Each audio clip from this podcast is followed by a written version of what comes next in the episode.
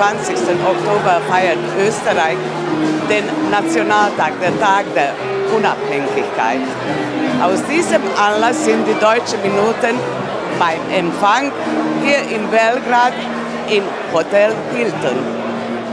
Exzellenz, herzliche Glückwünsche zu dem Nationalfeiertag und ich möchte fragen, wie erleben Sie persönlich diesen Tag und wie erleben Sie es als Botschafter? Vielen Dank. Der Nationalfeiertag ist wirklich ein wichtiger Tag für uns. Es ist eine Möglichkeit, um mit österreichischen Freunden und Freunden aus Österreich zusammenzukommen, einen schönen Abend zu verbringen und die engen Beziehungen zwischen Serbien und Österreich zu feiern. Es ist gut bekannt, dass äh, Österreich und Serbien äh, pflegen seit 150 Jahren diplomatische Beziehungen. Was würden Sie sagen, äh, was waren die Schwerpunkte des vergangenen Jahres für Sie und was sind die wichtigsten Pläne? Ich glaube, immer ein wichtiger äh, Schwerpunkt ist äh, die Förderung der Wirtschaftsbeziehungen. Äh, Menschen, die Arbeit suchen, sollen Arbeit finden. Unternehmen, die produzieren wollen, sollen produzieren können. Wir haben hier viele Möglichkeiten zwischen Österreich und Serbien, das noch zu verstärken und zu verbessern. Ein weiterer Schwerpunkt war für Österreich die Zusammenarbeit mit Serbien in der Bekämpfung der illegalen Migration, die Österreich sehr belastet. Hier gab es eine wichtige Entwicklung durch die trilaterale Zusammenarbeit mit Ungarn. Hier wurde schon viel erreicht, aber wir müssen weiter daran arbeiten. Ja, und die Kulturbeziehungen möchten wir immer ganz oben halten. Wir haben eine tolle Zusammenarbeit mit der Galeria Matica Srpska zum Beispiel oder auch mit anderen Kulturinstitutionen. Und da wird noch viel das nächste Jahr kommen. Diese Ausstellung werden unsere Zuschauer auch in dieser Sendung noch sehen. Wir haben das aufgenommen. Und ich habe gehört, dass Sie fleißig Serbisch lernen. Das stimmt. Äh, es ist aber schwierig natürlich. Es ist keine leichte Sprache, aber äh, es macht uns Spaß. Die ganze Familie lernt äh, Serbisch und wir hoffen, dass wir nach einiger Zeit uns doch ein bisschen stärker und besser unterhalten können. Wir erwarten Sie sehr gerne wiederum in Novi Sad und in RTV auch. Und ich wünsche Ihnen viel Erfolg und Spaß noch hier in Serbien. Vielen Dank und ich komme gerne. Dankeschön. Dankeschön.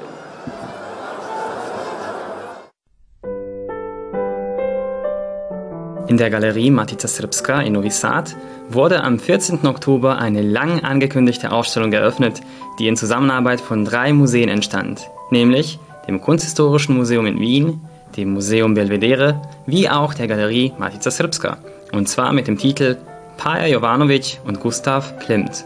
Eine Epoche, zwei Künstler, drei Museen. Die drei sorgfältig ausgewählten Frauenporträts, von denen zwei zum ersten Mal in Serbien ausgestellt werden, weisen auf Gemeinsamkeiten und Unterschiede zwischen den zwei Künstlern hin, sprechen über den gesellschaftlichen Kontext, in dem sie entstanden sind und verbinden gleichzeitig die Museen, deren Sammlungen sie darstellen.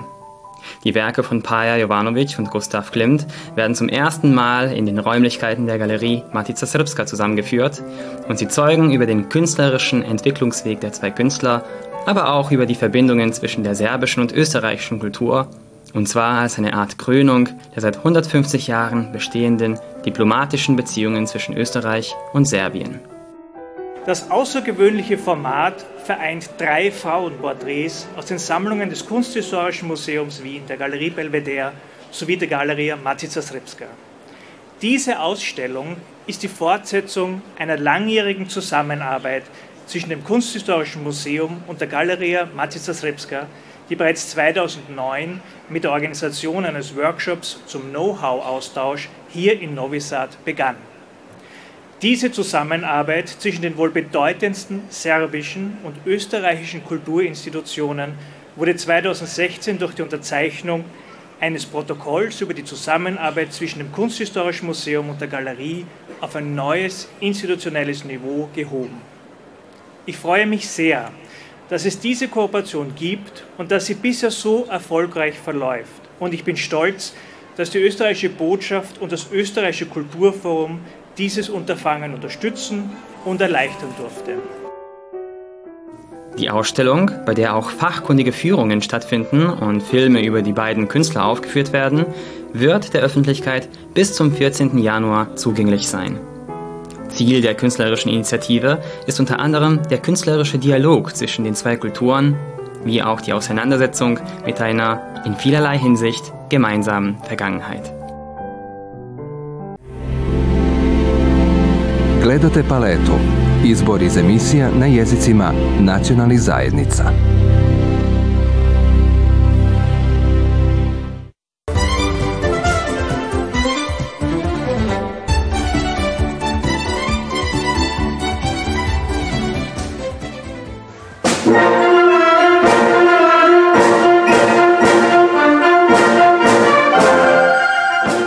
Dienstag, dem 31. Oktober, konnte das Publikum in der Novi Sada Stadthalle einem einzigartigen Konzert beiwohnen.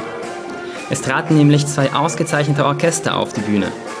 Das Blasorchester 23. Oktober aus Novi Sad, wie auch die 52-köpfige Jugendkapelle der Stadtkapelle Kirchheim unter Teck. Das Freundschaftskonzert, das zuvor schon am 29. Oktober auch in Batschki Petrovac veranstaltet wurde, bezauberte das serbische Publikum stärkte die Beziehungen zwischen den zwei Ländern und galt als ein Symbol der Freundschaft und des Friedens in Zeiten, in denen die Welt gerade davon mehr braucht.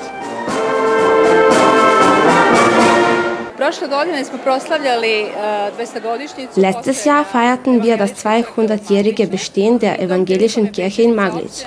Und zu diesem Anlass trat in Batschki Petrovac die Jugendkapelle der Stadt Kirchheim unter Teek der Partnerstadt von Batschki Petrovac, zum ersten Mal bei uns auf. Wir hatten den Wunsch, dass auch andere diese Jugendkapelle kennenlernen. Und somit kamen wir auf die Idee, dass sie wieder einmal in Batschki Petrovac und auch in Novi Sad auftreten könnten. Heute Abend spielen sie somit hier vor dem Novi Sada Publikum ein Freundschaftskonzert zusammen mit unserem Jugendorchester der 23. Oktober. Wir haben eigentlich schon vor über einem Jahr die Idee gehabt, dass wir hier junge Menschen herbringen wollen. Wir haben in Kirchheim unter Teck ein hervorragendes Jugendorchester, eine Jugendkapelle. Und unsere Idee war, die hierher zu bringen, mit jungen Menschen hier zusammenzubringen. Ein Jahr Organisation liegt hinter uns. Und wir haben das erste erfolgreiche Konzert auch schon am Sonntag in Batschki Potrovac gespielt. Hatten die große Ehre, dass Frau Anke Konrad, die deutsche Botschafterin, anwesend war und haben dort wirklich einen großen Erfolg mit stehenden Ovationen eingefahren, was für die jungen Menschen ein unbeschreibliches Erlebnis war. Die Organisation begann, wenn ich es mich recht erinnern kann, circa vor anderthalb Jahren schon. Zumindest mit meiner Persönlichkeit auch. Ähm, und dann hatten wir wirklich jede Minute durchgeplant, haben wirklich geguckt, wer ist da vor Ort, wen kann man ansprechen, wer ist Kontaktperson und alles Mögliche. Wir haben versucht, viele Konzerte hinzukriegen. Jetzt haben wir zwei Stück hinbekommen. Heute Abend steht das letzte an. Ähm, genau, und uns war wirklich wichtig, jetzt auch die Partnerschaft einfach am Leben zu halten, nachdem es jetzt ganz frisch entstanden ist. Und es ist, finde ich, auch relativ wichtig, dass wir jetzt sehr viele Jugendliche mitgebracht haben, auch als politisches Zeichen einfach, dass es uns wichtig ist. Also das äh, Orchester, was äh, den ersten Teil spielt, ist ja aus Serbien, 23. Oktober. Sie werden äh, ein Programm spielen aus der Unterhaltungsmusik, ähm, auch konzertante Literatur. Wir als Jugendkapelle oder wir als Stadtkapelle sind in der sinfonischen Blasmusik zu Hause. Wir sind auch Orchester, die äh, schon sehr erfolgreich bei Wettbewerben unterwegs waren und deshalb werden wir auch ein sehr, erstmal ein sehr konzertantes Programm spielen mit Stücken, die, ähm, wo es um den Frieden auf Erden geht, wo es um ähm, sehr, sehr viel Gefühle und Emotionen geht und auch ein bisschen tänzerische Elemente drin. Also ein sehr abwechslungsreiches Programm wird das Publikum heute erwarten.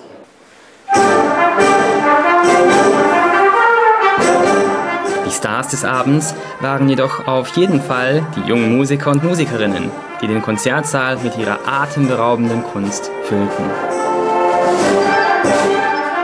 Wie ist es so, in einer Jugendkapelle zu spielen? Es ist natürlich total toll, dass es da so diese Gemeinschaft gibt an verschiedenen Instrumenten. Es ist was ganz anderes wie allein zu musizieren, weil es gibt natürlich ein viel größeres Klangerlebnis und es ist total schön zu sehen, wie dann die einzelnen Töne von unterschiedlichen Instrumenten dazu beitragen, so etwas Großes Ganzes zu erschaffen und natürlich auch die ganzen verschiedenen Leute, die man da kennenlernt, dass sie dann alle zusammen was machen, so wie jetzt eben nach Serbien zu gehen, dass die ganzen Einzelnen, die daran teilnehmen, trotzdem, obwohl alle so unterschiedliche Sachen machen, zu was Ganzem beitragen. Welches ist dein Lieblingsstück, das heute gespielt wird? Ich habe viele Lieblingsstücke, also eigentlich mag ich alle, aber besonders mag ich äh, Dream Imagine Live und äh, Hans Zimmer Movie Milestones, weil ich da einfach Glockenspiel und Xylophon und ja, das Spiel. Und wie ist es so in einem Jugendorchester mitzuspielen? Ja, ist sehr schön. Ich finde es vor allem cool, dass wir alle zusammen äh, meistens anpacken. Äh, es fühlt sich an immer wie in einer Familie und, äh, und ja, wenn wir das Schlagzeug irgendwo rumfahren und es schnell aufbauen müssen, helfen alle mit und ja, das ist echt schön. Ich bin normal jemand, der Musik äh, eher unpolitisch sieht, aber man muss in der heutigen Situation, glaube ich, schon sehen, äh, wenn man die Welt äh, betrachtet, was gerade los ist, ist diese Völkerverständigung, die wir hier machen, zwischen den Menschen, zwischen auch mit der Musik gemeinsam zu musizieren, wo wir dann auch eine gemeinsame Sprache haben, auch wenn wir uns eigentlich nicht verstehen untereinander, ähm, das ist genau das, was wir pflegen müssen. Und ich sehe die junge Generation, die die Zukunft sein wird und diese junge Generation muss zusammenwachsen über die Grenzen hinaus. Und wir hoffen natürlich auch mit Serbien hier ähm, in Zukunft äh, viel mehr Kontakt noch zu haben. Die jungen Musiker und Musikerinnen beider Orchester zeigten nicht nur dem Publikum, sondern auch einander die Früchte ihrer harten Arbeit. Und sie schafften es, obwohl sie unterschiedliche Länder ihr Zuhause nennen, eine gemeinsame Sprache zu finden. Eine Sprache, die wir alle verstehen die Sprache der Musik.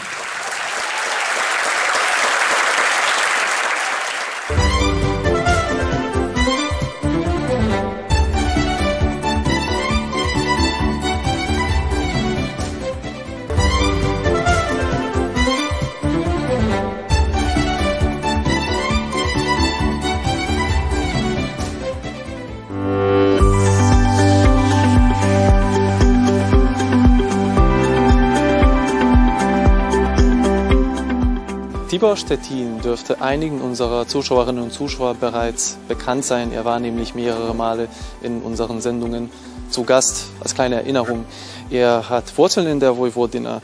Er ist Gymnasiallehrer in den Fächern Politik, Wirtschaft und Musik.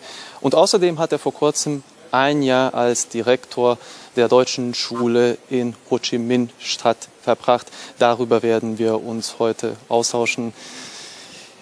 Tibor, willkommen im neuen Gebäude von RTV. Danke, dass du dir Zeit für das heutige kleine Interview mit uns genommen hast. Äh, meine erste Frage wäre, wie es eigentlich dazu gekommen ist, dass du die deutsche Schule in der vietnamesischen Ho Chi Minh Stadt leiten konntest. Ja, das war eine schöne Möglichkeit für mich, ähm, ins Ausland zu gehen. Ähm, es war mein Wunsch, ins Ausland zu gehen. Und ähm, als Musiklehrer muss man natürlich schauen, wo brauchen sie Musiklehrer und ähm, ja, da ist es dann Ho Chi Minh Stadt gewesen, wo auch dann die Schulleiterstelle ausgeschrieben war, auf die ich mich dann aber beworben habe, erfolgreich. Und äh, ja, es war eine ganz tolle Erfahrung, das mal auszuprobieren für das eine Jahr. Es ist eine ganz normale Schule, eine kleine Schule, 250, 300, das wechselt dann immer so ein bisschen äh, Schülerinnen und Schüler vom Kindergarten bis äh, zur 12. Klasse. Ähm, und die Unterrichtsfächer sind ganz normal wie in Deutschland. Das wird sich orientiert am Lehrplan von Thüringen. Der hat sich so ein bisschen etabliert in den Auslandsschulen, äh, weil der alles abdeckt und ähm, ja, zeitlos eigentlich ist. dann gibt's immer noch Vietnamesisch für die vietnamesischen Kinder. Wir hatten sehr viele ähm, vietnamesische Kinder bei uns an der Schule und ähm, machten vielleicht so 50, 60 Prozent aus dann einen kleinen Teil äh, deutsche Kinder, die mit ihren Eltern in Vietnam leben, weil die Eltern beruflich dort sind. Und dann hatten wir noch koreanische Kinder, japanische, ähm, russische äh, und ja, das ist, ganz, das ist ein ganz äh, bunter Haufen gewesen. Als Schulleiter der deutschen Schule in Ho Chi Minh Stadt war Tibor Stettin ab August 2022 engagiert. Er ist nun zwar zurück in seinem Wohnsitz im baden-württembergischen Baden-Baden. Die Erlebnisse in Vietnam sind aber noch ganz frisch. Das Land hat touristisch einiges zu bieten. Tibor war jedoch auf einer professionellen Mission unterwegs. Es ist natürlich was ganz anderes, wenn man da lebt und nicht zum Urlauben äh, in Vietnam ist. Ich war einmal in Vietnam auf einer Rundreise, zwei Wochen. Ähm, das war sehr interessant, aber wenn man tatsächlich dann jeden Tag vor Ort ist, äh, ist natürlich was ganz anderes. Ich meine, das Schulsystem ähm, oder die Schule an sich, die ist natürlich so wie eine Schule in Deutschland auch. Und ich habe immer gesagt, dass ähm, unsere Schule ein Stück Deutschland in Vietnam ist, weil das einfach ein Ort ist, wo unheimlich viele Deutsche zusammenkommen. Also sowohl die Kolleginnen und Kollegen Wir waren 22 Deutsche, ähm, deutsche Staatsbürger und natürlich dann die Kinder entsprechend. Und ähm, ja, das fand ich immer faszinierend, weil man sich eigentlich zu Hause gefühlt hat. Also ich habe mich nicht verloren in der Fremde gefühlt, sondern ähm, das war immer ein toller Austausch. Dadurch, dass man natürlich auch Deutsch spricht dann in der Schule, äh, im Alltag, ähm, war das eigentlich eine, eine ganz tolle Sache.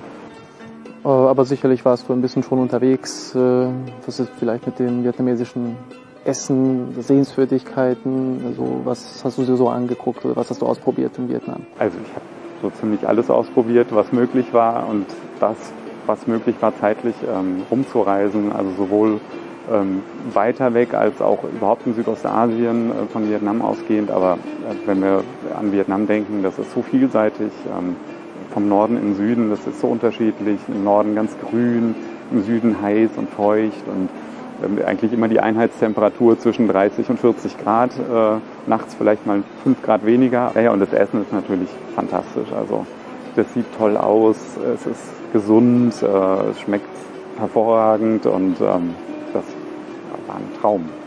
Und dieses Obst, was man da alles bekommen hat, die Mangos, diese Dragon Fruits, diese Drachenfrucht, diese rote, die so knallrot auch ist und süß und sowas, das bekommt man in Deutschland überhaupt nicht. Aber gab es vielleicht auch irgendwelche so Kulturschock-Erlebnisse? Gab es vielleicht irgendwelche Probleme bei der Anpassung, Anpassung? Was ist mit der Sprache zum Beispiel? Ja, also ein Kulturschock ist vielleicht ein bisschen übertrieben, aber ähm, die Mentalität ist natürlich eine andere. Also überhaupt in Südostasien, Asien. Äh, die Leute ähm, sind sehr zurückhaltend. Ähm, sie üben eigentlich nie Kritik. Und für mich, ich war ja Vorgesetzter, also nicht nur der Kolleginnen und Kollegen, sondern eben auch des gesamten Personals. Äh, die deutschen Schulen im Ausland sind ja in der Regel sehr gut ausgestattet mit Assistenten, mit IT-Technikern und so weiter und so fort. Und es waren natürlich, oder das heißt natürlich, aber es waren viele Vietnamesen dann, also von dort stammend. Und äh, teilweise sprachen einige Deutsch, aber die meisten, mit denen habe ich dann auf Englisch äh, gesprochen. Und ähm, ja, wenn dann irgendwas nicht gut lief, dann wird es dem Chef eigentlich nicht gesagt. Und da muss ich erstmal dahinter kommen, ähm, ähm dass ich da ermutige und sage, ich brauche die Rückmeldung, wenn irgendwas nicht gut läuft. Heute bist du zu Besuch hier in Novi Sad bzw. in Serbien, äh, bist aber ansonsten wieder in Deutschland, hast du gesagt. Wie geht es dann für dich weiter? Ja, das wird sich dann zeigen, was die Zukunft bringt. Ähm, jetzt freue ich mich erstmal sehr hier zu sein. Ähm, ist ja doch ein Stück Heimat für mich auch. Ich bin ja hier gefühlt groß geworden äh, zwischen Deutschland und, und damals Jugoslawien, jetzt Serbien, aber halt in Novi Sad und Umgebung. Ähm, ich äh, fühle mich hier eigentlich auch zu Hause, das ist ganz toll. Hatte auch mal überlegt, äh, hier äh, ins Ausland zu gehen. Äh, es gibt ja hier das, äh, das Gymnasium in der Nähe, äh, in Sremski Karlovci, ähm, wo auch tatsächlich deutsche Lehrer entsendet werden, also von, von, von der Bundesregierung, ähm, um sozusagen da den Deutschunterricht dann auch zu bewältigen. Dann noch viel Spaß in Novi Sad und äh, alles Gute. Vielen Dank für die Einladung.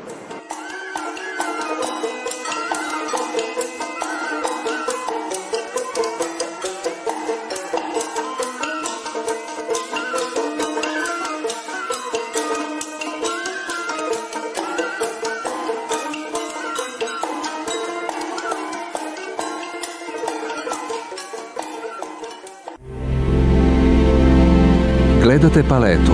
Izbor iz emisija na jezicima nacionalnih zajednica.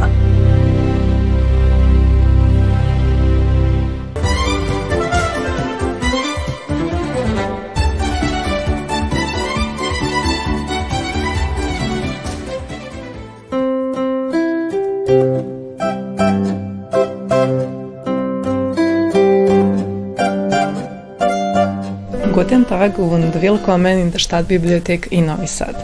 Es freut mich sehr, dass wir uns wieder unter diesen Büchern treffen und diesmal mit einem sehr inspirierenden Thema, an der schönen blauen Donau. Ein Reiseführer durch Novi Sad, Jahreszeiten im Deutschunterricht, der Valentinstag und der Umweltschutz. All das waren Themen bei Schülerprojekten, die von der Novi Sader Deutschlehrerin Jasmina Kovacevic initiiert wurden.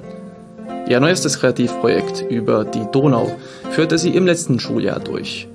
Um mehr darüber zu erfahren, trafen wir uns mit ihr in der Gesellschaft einiger gut bekannten Gesichter. Frau Kovacevic, wie versuchen Sie im Rahmen dieses Projekts die Schönheit der Donau zu illustrieren? Es ist nur ästhetisch am Donauufer zu stehen, sagte der römische Imperator Trajan. Die Richtigkeit dieser Aussage beweisen heute Millionen Touristen, die hierher kommen, um die Schönheit der Donaulandschaft zu genießen. Eines ist aber sicher, wir kennen nicht genug die verborgene Seite der Donau. Daher versuchte ich mit meinen Schülern wenig bekannte Donau zu erleuchten und ihre Schönheit zum Ausdruck zu bringen. Meine Schüler haben unter meiner Leitung äh, einen Reiseführer für die Donau in Serbien, äh, sowohl in digitaler Form, äh, das heißt in Form von äh, PowerPoint-Präsentationen, äh, als auch in Bildern entwickelt, und zwar speziell für Kinder aus einem fremden Land. Äh, diese Arbeitsweise sahen wir schon bei der Ausarbeitung des Reiseführers für die Stadt Novi Sad und ihre Umgebung, so dass wir die Donau als Reiseführer 2 betrachten könnten. Äh, die Arbeit bestand aus dem Sammeln, Orden, Beschriften, Präsentieren und wir präsentieren eigentlich nur die Einzelheiten, die interessant wären. Und zu diesem Projekt gehörte auch ein Workshop. Könnten Sie uns vielleicht auch etwas dazu sagen? Äh, genau, bei uns im Deutschunterricht wurde auch eine kreative äh, Workshop organisiert ähm, äh, und die Schüler zeichneten Ansichtskarten mit den Donaumotiven und äh, die Idee für die Entwicklung eines Reiseführers äh, soll als Anregung für weitere Reiseführer über Serbien und serbische Städte dienen. Am Workshop nahmen insgesamt acht Schülerinnen und Schüler der siebten und achten Klasse teil. Die Themen waren äußerst vielfältig. Bevorzugt wurden jedoch die Bereiche Geografie, Biologie, Geschichte sowie Kultur. Der Donauraum ist die Wiege der alten Kulturen. Aus der Jungsteinzeit, die 10.000 Jahre alt ist, stammen Starcevo und Winsche Kultur. Die wichtige Siedlung ist Lepenski Wir und Steinskulpturen mit fischartigen Mündern. Die Donauquelle befindet sich im Schwarzwald. Das Volk aber sagt: Briga um Brege bringen die Donau zu Wege. Hier gibt es eine serbisch-deutsche Tafel, an der geschrieben steht: Donau, du große Majestät, bringe etwas Luft, wo der Mann nicht vergeht. Jahrhundertelang war die Donau eine Naturgrenze zwischen Österreich, Ungarn und der Türkei. Daher wurden hier sieben Festungen errichtet. Die Donau verbindet neun Länder. Deutschland, Österreich, die Slowakei, Ungarn, Kroatien, Serbien, Rumänien, Bulgarien und die Ukraine. Donauschwaben sind der jüngste deutsche Neustamm. Ihre Heimat ist im mittleren Donauraum. Die Vorfahren der Donauschwaben fuhren mit der Ulmer Schachtel auf der Donau in ihre neue Heimat. Janusz Hunyadi besiegte die Türken bei Belgrad im 15. Jahrhundert. Seitdem läuten die Mittagsglocken um 12 Uhr zur Erinnerung an diesen Sieg. Der Uhrturm ist das Wahrzeichen der Stadt Novi Sad. Er hat die Zeiger mit vertauschten Rollen. Die große Zeiger zeigt die Stunden an und der kleine Zeiger zeigt die Minuten an. Die betrunkene Uhr geht bei kaltem Wetter nach und bei warmem Wetter vor. Die Donau ist reich an Fischen, zu den hochwertigen gehören Karpfen, Wels, Hecht, Zander. Aus ihnen wird Fisch Paprikas gekocht. Riesenstore sind die Fische aus dem Schwarzen Meer. Sie kommen in die Donau zum Leichen, aus ihren Eiern wird der echte Kaviar gewonnen. An der Donau ist es schon tief im Tal und auf den Höhen. Nimmer will ich weitergehen, an der Donau ist es schon. Während unseres Aufenthaltes in der Bibliothek hatten wir sogar ein bisschen musikalische Begleitung. Der Schüler Lazar Milinkovic spielt nämlich auf dem Akkordeon. Passend zum Thema unseres Treffens spielte er Ich wuchs neben der Donau auf, im Original Rastau sam pored Dunava von Soran Gajic.